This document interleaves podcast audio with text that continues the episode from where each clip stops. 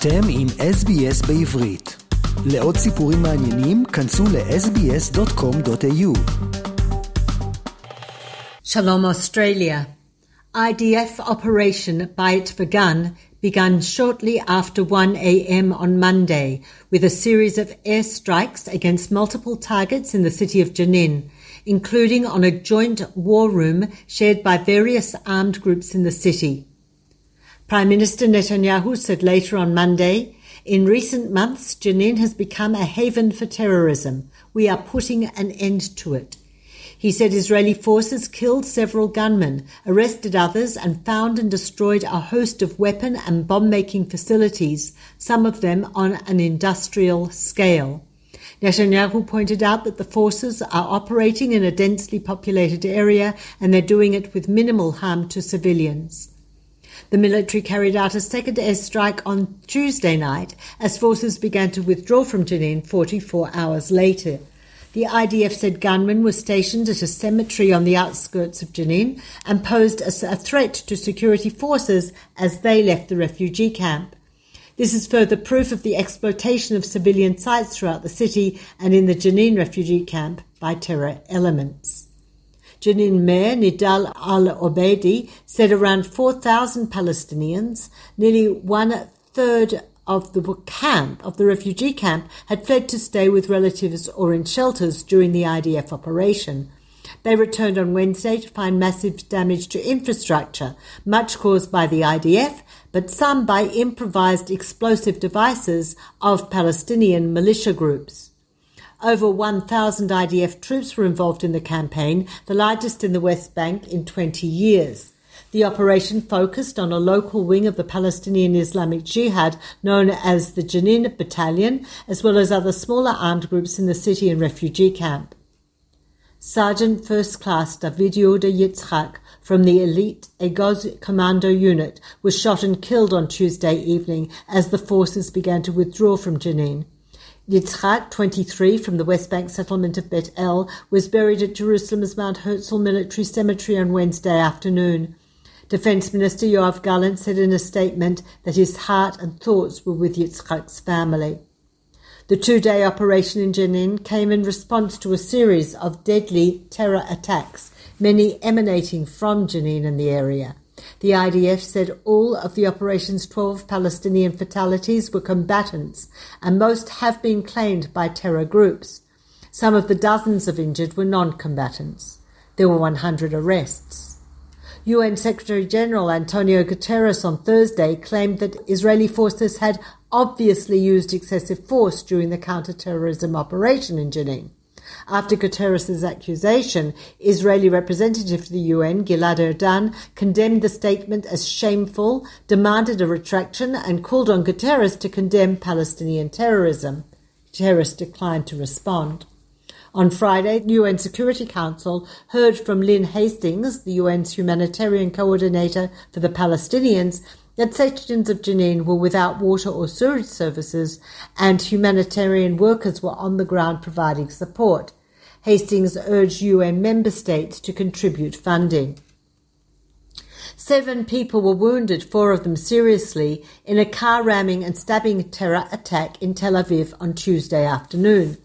The Palestinian assailant rammed his pickup truck into people on the pavement on Pinchas Rosen Street, then got out and stabbed others. One of the injured was a pregnant woman. She lost her child. The attacker was shot dead by an armed civilian, Kobi Yakutiel, who happened to be at the scene. Hamas later claimed responsibility for the incident. Five rockets were launched from the Gaza Strip at southern Israel early on Wednesday morning. The rockets, which triggered alarms in the southern city of Sderot and other nearby towns, were all intercepted by the Iron Dome air defense system. On Wednesday, Palestinian gunmen opened fire from a passing vehicle at a police cruiser and a nearby store in a tiny Samaritan community close to Nablus, causing no injury. Staff Sergeant Shiloh Yosef Amir, 22, was murdered by Ahmed Yassin Khaidan, a member of Hamas from Kibbutz near Kdumim on Thursday. Security forces were alerted to the presence of a suspicious car driving around Kdumim. When a civilian security officer and IDF troops arrived at the scene and stopped the car for inspection, Khaidan fired at them with a handgun and then fled. He was killed shortly afterwards. Hundreds of people attended Amir's funeral in Jerusalem on Friday. Protests broke out across the country on Wednesday after Tel Aviv police chief Amichai Eshed announced his resignation. Eshed said he was doing so in protest of a politically motivated demotion ordered by far-right National Security Minister Itamar Ben-Gvir, who had accused him of not responding forcefully enough to anti-legislation demonstrators in recent months. Police said they arrested 15 people in Tel Aviv.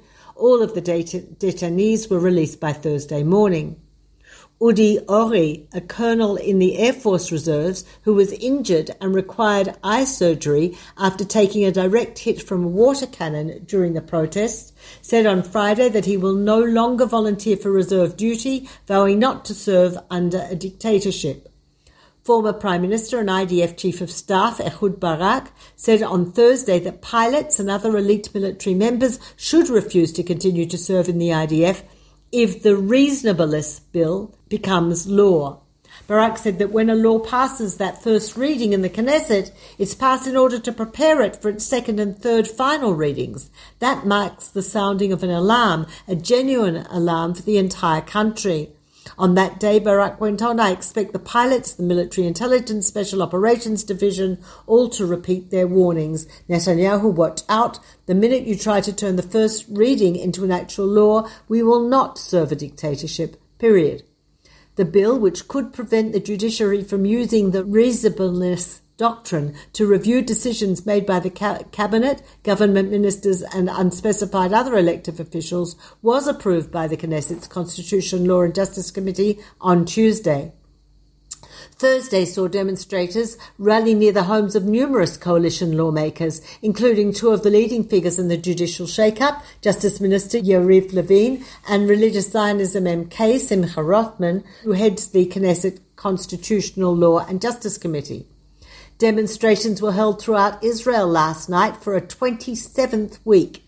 Hundreds of thousands participated in multiple sites. Speaking at the main demonstration in Tel Aviv, world-renowned historian Yuval Noah Harari said, the time to stop the Netanyahu government is now. We are allowed to and must be angry for what the Netanyahu government is doing to the Israeli dream, he said, and if the government does not stop, it will learn what happens when we are angry. If you unilaterally pass even a single one of your regime coup bills, we will oppose you with every non-violent means we have. At the Jerusalem protest, former Justice Minister and former Foreign Minister Tzipi Livni urged Israelis to protect our shared home and called for implementation of the principles of the Declaration of Independence, equality under the law. Hod HaSharon Mayor Amir Kochavi condemned the burning of a vehicle carrying a stack of LGBTQ pride flags, which was set ablaze on Friday in his city. The mayor noted the flags were burnt on the 17th of Tammuz, a fast day commemorating the breach of Jerusalem's walls by the Romans on their way to destroying the Second Temple. Tradition teaches that the temple was destroyed due to senseless hatred among Jews which Kochavi said was behind the burning of the flags as well. He said he'd put in an order for new pride flags and that they would be hung around the city to instill values of equality, tolerance, and pride in response to the hate crime. I hope that the arsonists and those who influenced him will be caught and they'll find a way to repent. This is Peta Jones Pellach reporting for SBS Radio from Jerusalem. האזינו דרך האפל פודקאסט, גוגל פודקאסט, ספוטיפיי, או בכל מקום אחר בו ניתן להאזין לפודקאסטים.